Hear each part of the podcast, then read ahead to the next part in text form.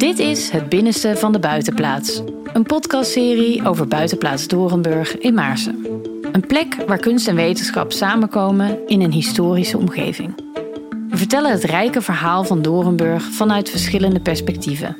Over het verleden en de toekomst, de gebouwen en het park. Ook ontmoeten we de kunstenaars en wetenschappers die de buitenplaats transformeren tot een plek vol verrassingen. In deze aflevering zoomen we in op de cultuurhistorische waarden van de vechtstreek en de buitenplaatsen die je daar vindt. Hoe zijn ze ontstaan en wat vertellen ze ons? Luister mee en ontdek samen met ons het binnenste van de buitenplaats.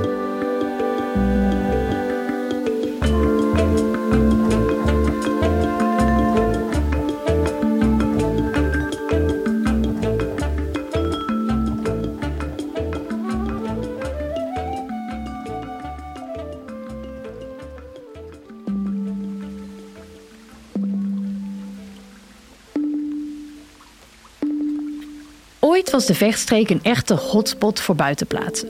Langs 40 kilometer rivier waren er maar liefst 200 te vinden. Het gaat om plekken met klinkende namen, zoals Sterrenschans, Slangenvecht, Gunterstein en Goudenstein.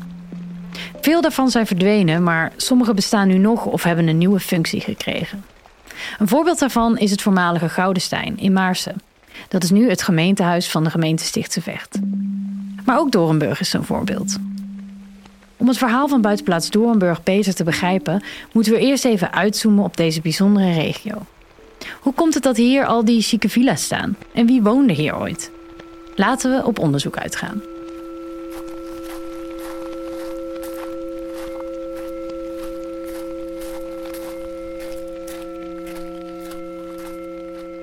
Juliette Jonker-Duinstee staat bekend als de ambassadeur van de vechtstreek.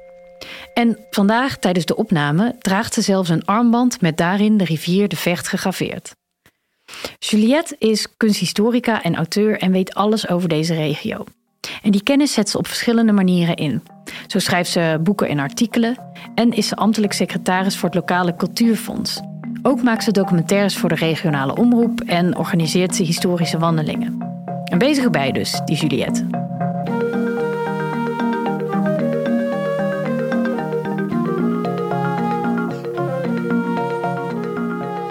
Eigenlijk ben ik bezig met het ontsluiten van het cultuurlandschap en laten zien van hoe is het nu en hoe is het zo gekomen. Want het proces naar het nu, uh, dat is heel interessant in dit gebied. Het is een heel oud gebied. En eigenlijk hoop ik dat ik daardoor mensen kan, door het informeren van mensen, dat ik ze kan enthousiasmeren ook. Voor haar enorme inspanningen kreeg ze een paar jaar geleden de allereerste erepenning van de gemeente Stichtsvecht. De burgemeester gaf aan dat ze die verdiende vanwege haar waardevolle inzet en haar unieke vermogen om de historie van de gemeente Stichtse Vecht levend te houden. Ik bevind me dus in goed gezelschap. Ik denk dat als je meer kennis van iets hebt, dan eh, ben je er voorzichtiger mee, heb je er meer respect voor, heb je er meer waardering en bewondering voor. Dus op die manier probeer ik met mijn werk allerlei gebieden, mensen nou ja, te mm, informeren over de bijzonderheid van ons gebied. Vraag Juliette als eerste wat ik zelf het liefst wil weten. Namelijk, hoe was het hier vroeger? Maar kunnen we eigenlijk wel spreken over één vroeger? Ja, wat is vroeger? Er zijn hier heel veel vroegers bij Doornburg. Als je heel vroeger teruggaat, heb ik het echt over uh, een paar duizenden jaren geleden, was het hier gewoon helemaal leeg. Het was een moerassig veenweidegebied waardoor een stroompje stroomde, de Vecht. Wat pas later de Vecht is gaan heten. Dat was een zijtak van de Rijn. En door het slip wat uit de Alpen meekwam, werd er hier zand en klei afgezet op de oeverwal. Dat is belangrijk om te weten, omdat je niet kan bouwen in veen, maar wel op droge grond, hoger gelegen grond. Dus de hele buitenplaatsserie langs de Vecht en ook Doornburg is op die oeverwal van de Vecht gebouwd. Die is het hoogste hier bij Maarsen. En dus daarom konden hier zoveel buitenplaatsen gebouwd worden. Het is eh, rond het jaar 1000 is dit gebied ontgonnen. En het werden daar slootjes gegraven in de veenweide-landen. En dat het droger werd, geschikt voor akkerbouw en voor veeteelt. En langzaamaan kwamen hier kleine nederzettingjes, maar er was nog steeds hier niks te zien. Pas in de 17e eeuw is hier een hoeve gebouwd, een boerderij. En dat was een van de vele boerderijen langs de vecht. Want dit was dus een heel agrarisch gebied in die periode. En dat is ook een vroeger van deze plek. En later pas in de 17e eh, eeuw is die hoeve verbouwd tot buitenplaats. En die is ook weer verbouwd tot de buitenplaats die we nu zien. Dus er zijn veel vroegers op deze plek.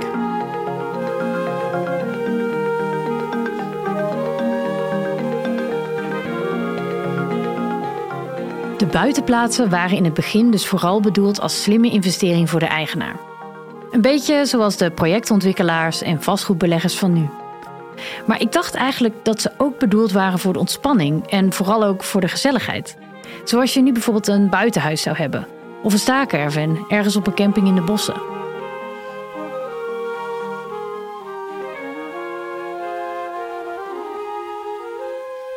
Na het aanvankelijke investeringsidee van de aankoop en de bouw van buitenplaatsen kwam eigenlijk uh, kwam men er steeds meer achter hoe lekker het was op het platteland.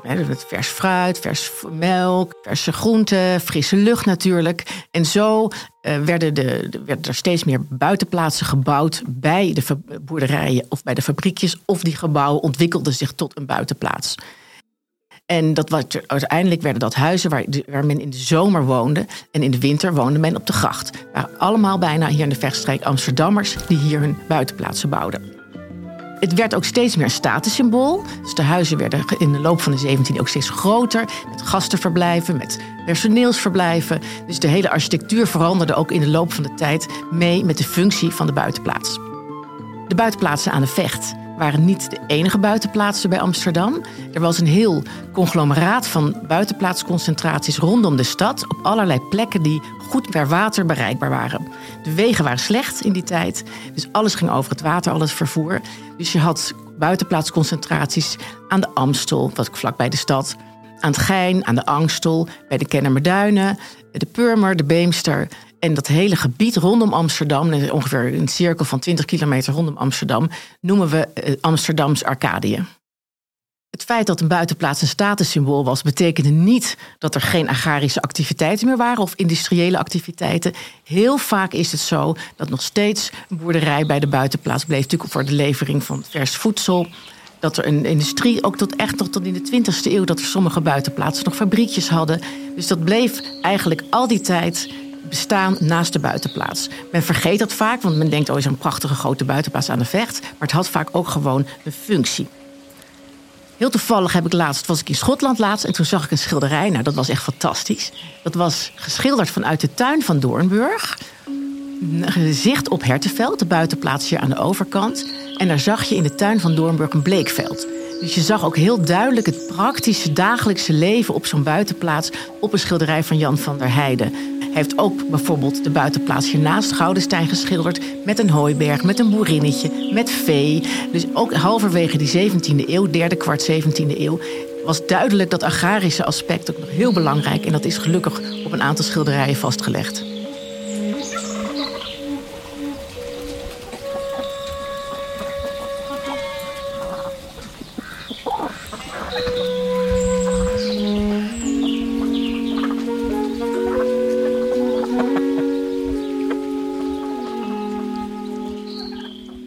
De historie van Dorenburg past precies in het plaatje dat Juliette schetst.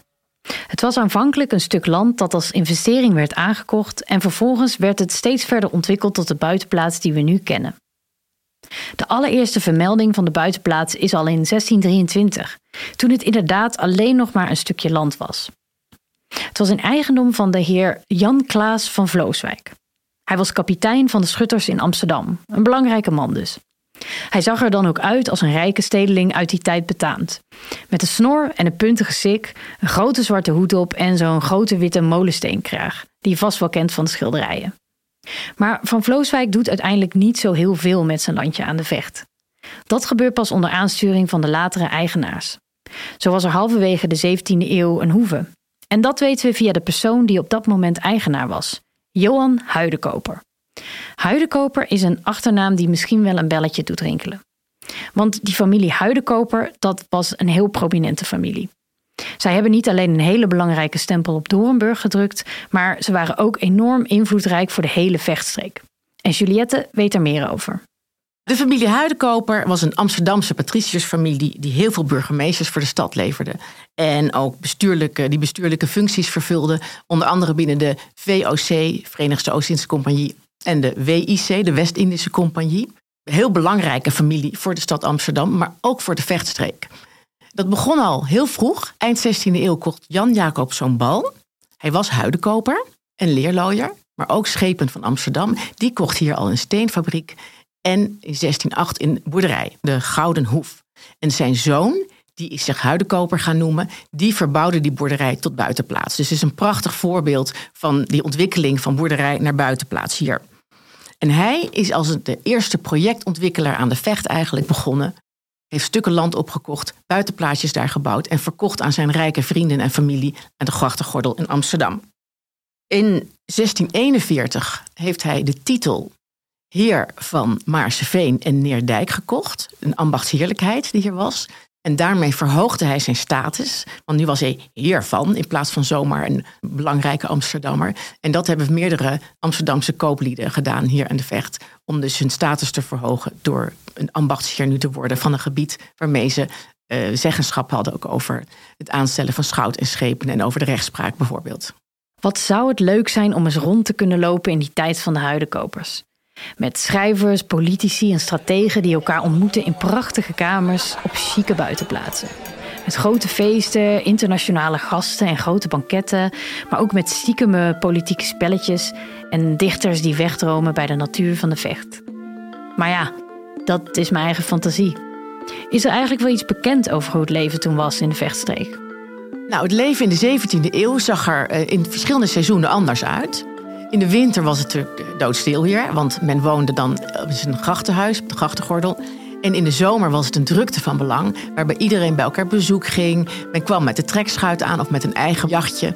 Men ging uh, vissen, varen, jagen, kaartspelen, drinken, lezen, schrijven. Uh, heel veel sociaal contact was er. Er werden kunstenaars uitgenodigd, intellectuelen werden uitgenodigd. Er waren hier bijeenkomsten. Een klein inkijkje in het leven in die tijd. Geef bijvoorbeeld het dagboek wat Johan Huidenkoper II heeft bijgehouden. Hij was dertien keer burgemeester van Amsterdam, dus was echt een hele belangrijke man. En het is heel grappig dat hij beschrijft met wie hij rookte en dronk, hoe laat hij thuis kwam, welk cadeau hij had gekregen en van wie hij dat had gekregen. Dus dat varieerde van eten of bepaalde zaden of een papegaai of zelfs een aap. En dan beschrijft hij dat die aap alle glazen omver gooide. Hij beschreef dus heel erg van wie hij wat kreeg en wat hij daarvoor terug moest doen. Het was een soort emotional bank account wat hij bijhield. En ik denk dat dat symbolisch is voor het leven in die tijd. Dat hing aan elkaar van elkaar gunsten verlenen, elkaar baantjes verlenen, ehm, de voorkennis uh, geven voor aandelen, bijvoorbeeld aan verkoop of aankoop. Johan Huidenkoper beschreef ook bijvoorbeeld in zijn dagboek dat hij dierkens ging kijken door de microscoop bij Antonie van Leeuwenhoek, waar hij dus op bezoek ging. Hij kweekte ook meloenen en taxissen, dus ook van het exotische fruit, ook voor de verkoop. Dus het, was een, uh, ja, heel, het geeft een heel leuk inkijkje in het leven in die tijd.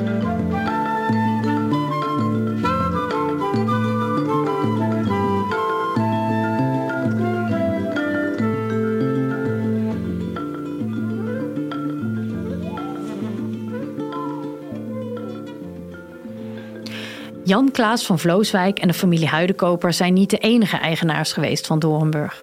Integendeel, de geschiedenis van deze buitenplaats heeft wel wat weg van een spelletje Monopoly. Doornburg ging over van eigenaar op eigenaar van de ene illustere familie naar de andere. De Huidenkopers verkochten het land en de gebouwen aan de familie van Zon, goede vrienden van de Huidenkopers zelf. Het familiewapen van die familie, een zon, is nu ook terug te zien in het monumentale hek aan de Vecht. En na de Van Sons gaat Doornburg in 1719 weer over op de heer Absalon van Romswinkel. En dat was de resident van de Pruisische koning. Daarna volgen ook nog verschillende Portugees-Joodse eigenaars die in die tijd veel van de buitenplaatsen aan de vecht bezaten. Maar in 1772 komt er weer een oude bekende in beeld. Doornburg wordt aangekocht door Jan Elias Huidenkoper. Jawel, een nazaat van de voormalige eigenaar. De familie blijft vanaf die tijd tot in de 20e eeuw eigenaar. Hun belangrijkste stempel op Doornburg is waarschijnlijk de tuin die ze laten aanleggen. Het ontwerp daarvan wordt toegeschreven aan Jan David Zogger. Dat is de ontwerper van het Vondelpark in Amsterdam en het naar hem vernoemde Zoggerpark in Utrecht. De tuin van Doornburg uh, is een bijzondere tuin, want het is namelijk een samenvoeging van de gebieden van meerdere buitenplaatsen. Oorspronkelijk was er bij de oude 17e-eeuwse Doornburg een eigen tuin, prachtige formele tuin, rechte lijnen, heel symmetrisch, precies zoals in die tijd in de mode was. De mens was heer en meester over de natuur en bewaakte eigenlijk de creatie van God. En dat zie je nu eigenlijk niks meer van terug. Want wat is er gebeurd? De opeenvolgende eigenaren hebben een aantal buitenplaatsen naast Doornburg gekocht, hebben die huizen gesloopt. Maar de grond van die buitenplaatsen is gevoegd bij de tuin van Doornburg. En zo is er één groot gebied ontstaan, wat vermoedelijk door Zogger, maar dat is niet helemaal zeker, omgeturnd is in een Engels landschapspark. En dat is wat we nu zien. Dat is een heel andere vorm van tuinarchitectuur. Helemaal geïnspireerd door de romantiek, waarbij niet meer de mens heer en meester was over de natuur, maar onderdeel van de natuur. Dus dat is een heel andere natuurbeleving. En dat zie je prachtig in de tuin van Doornburg terug. Die Engelse landschapsstijl vind je eigenlijk overal aan de vecht. Want dit hele proces is bij bijna alle buitenplaatstuinen gebeurd. Krijg je dat romantische met gebogen paadjes, met verschillende boomtypes, met verschillende structuren en kleuren van bladeren. Echt, het ziet er heel natuurlijk uit, maar het is eigenlijk allemaal aangeplant. En het bijzondere van de tuin van Doornburg is dat hij heel groot is, doordat het natuurlijk die samenvoering van meerdere terreinen.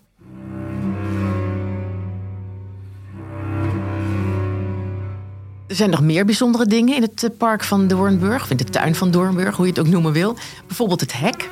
Een schitterend hek aan de vecht, want men kwam natuurlijk vroeger over het water aan. Dus om gasten te imponeren werden dan de hekken aan de vecht gebouwd en niet aan de straatkant. Schitterend hek, wat vermoedelijk van de buitenplaats hiernaast kwam, Elsenburg, wat gesloopt is. Want je ziet namelijk elzenpropjes in het hek, maar je ziet ook een Doorn van Doornburg met kasteeltorentjes. Nou, werkelijk een fantastisch hek. Iedereen die het niet kent, moet het absoluut gaan zien. En heel fijn dat het ook weer open is, dat je van het jaagpad langs de vecht door het hek naar Doornburg kan. En eh, Doornburg heeft een ijskelder, de tuin. En dat is ook bijzonder, want die zie je ook bijna nooit meer. En een ijskelder ziet eruit als een heuveltje. Dan kan je met een trapje naar binnen en heb je echt een kelder waar het ijs uit vijvers en slootjes werd gehakt en in grote blokken werd opgeslagen met hooi en turf als isolatiemateriaal. En het ijs kon dan wel één of twee jaar goed blijven daarin en kon zo gebruikt worden om eh, bederfelijk voedingswaar te bewaren, nou, waar, waarvoor je ook ijs nodig had.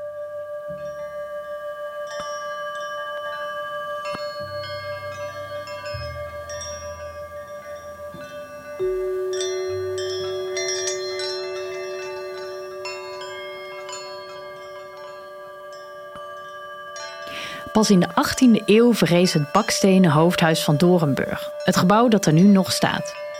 Maar als je denkt dat het huidige hoofdhuis precies zo is als in de 18e eeuw, dan heb je het mis. Want veel van het huidige uiterlijk is pas in de 20e eeuw toegevoegd. Het hoofdhuis Doornburg, dus de oude buitenplaats, is eigenlijk een product van eeuwenlang uh, veranderingen en verbouwen en nieuwbouw. Net als bijna alle buitenplaatsen aan de vecht overigens. En dit huis eh, is in de 17e eeuw gebouwd, in de 18e eeuw helemaal verbouwd. En het is in 1912 gekocht. Toen stond het eigenlijk een soort rijp voor de sloop. Net als heel veel buitenplaatsen in de 18e, 19e en begin 20e eeuw. Die zijn gesloopt. En Doornburg stond eigenlijk op de nominatie gesloopt te worden. Maar is toen gekocht door een meneer van Voorst van Beest. En die heeft het huis gered. Heeft het helemaal verbouwd. Nieuwe ramen, een nieuw dak. Heel anders dan dat het was. Dus het heeft een heel ander uiterlijk. Een hele nieuwe ingangspartij. Dus de voordeur waardoor je nu door het huis naar binnen gaat. Zie je schitterend bewerkt 18e eeuwse deur. Met het jaartal 1721 daarboven. Maar die deur komt uit Groningen. Uit een 18e eeuws huis wat toen gesloopt is. En hij van Voorst van Beest heeft die ingangspartij gekocht. En hier werd Doornburg aangebracht. Dus het uiterlijk van het huis is totaal veranderd eigenlijk. Begin 20e eeuw. Maar ook het interieur. Hij heeft antieke schouwen aangebracht. Hij heeft plafondschilderingen aangebracht. Een van de schouwen komt uit het familiehuis van de Van Voorst van Bees um, uit Utrecht, het Janskerkhof.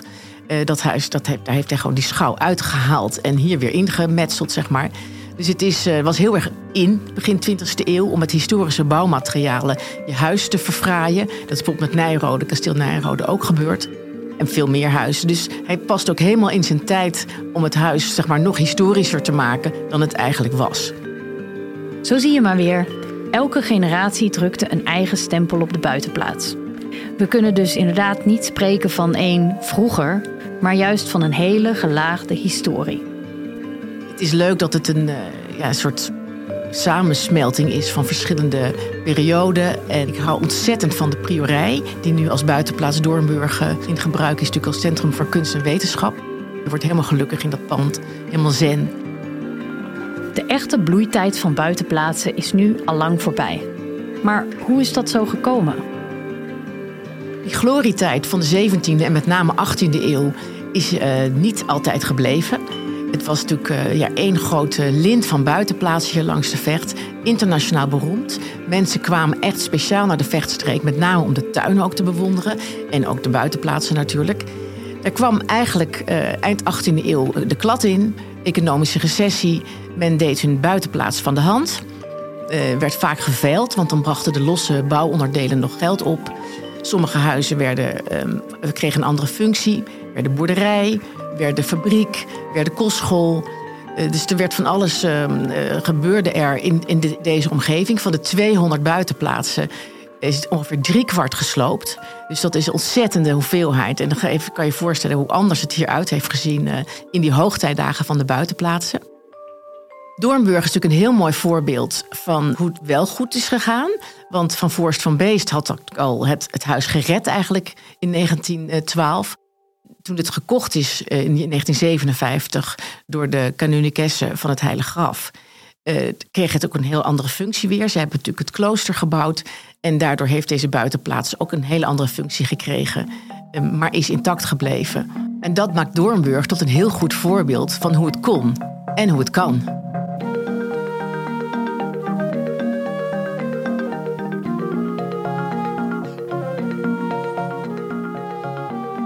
Benieuwd hoe Juliette kijkt naar de toekomst van buitenplaatsen. Hoe denkt zij dat die eruit ziet? Hoe gaat dat in de toekomst? Dat is uh, de vraag. Heel veel buitenplaatsen worden bewoond door mensen die hier in de jaren 70 zijn komen wonen. Dus die mensen zijn nu enorm op leeftijd. Dus die huizen gaan toch binnen de komende jaren op de markt komen. Wie gaan die huizen kopen? Uh, je moet echt uh, ja, toch een beetje monumentengek zijn om een buitenplaats te kopen. Het is echt een way of living. Met de huidige energieprijzen is natuurlijk ook weer nog een dingetje. Dat mensen liever niet een oud monument kopen. Uh, worden het allemaal kantoren? Uh, het is, uh, de tijd zal het leren. Het is best spannend de komende decennia wat er gaat gebeuren met buitenplaatsen.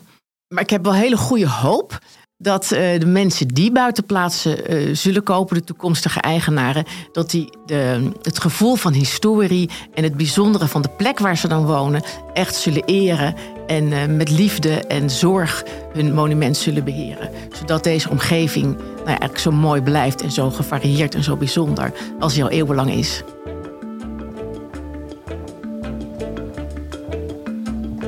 We weten nu heel wat meer over de vroegste historie van Dorenburg. En ook hoe de buitenplaatsen in de vechtstreek zijn ontstaan. Maar in de 20e eeuw komt er een nieuw hoofdstuk. Een sobere zusterorde neemt haar intrek op de buitenplaats.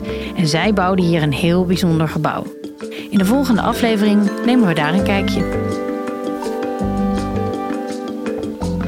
Dit was aflevering 2 van Het Binnenste van de Buitenplaats. Een podcastserie over Buitenplaats Dorenburg in Maarsen.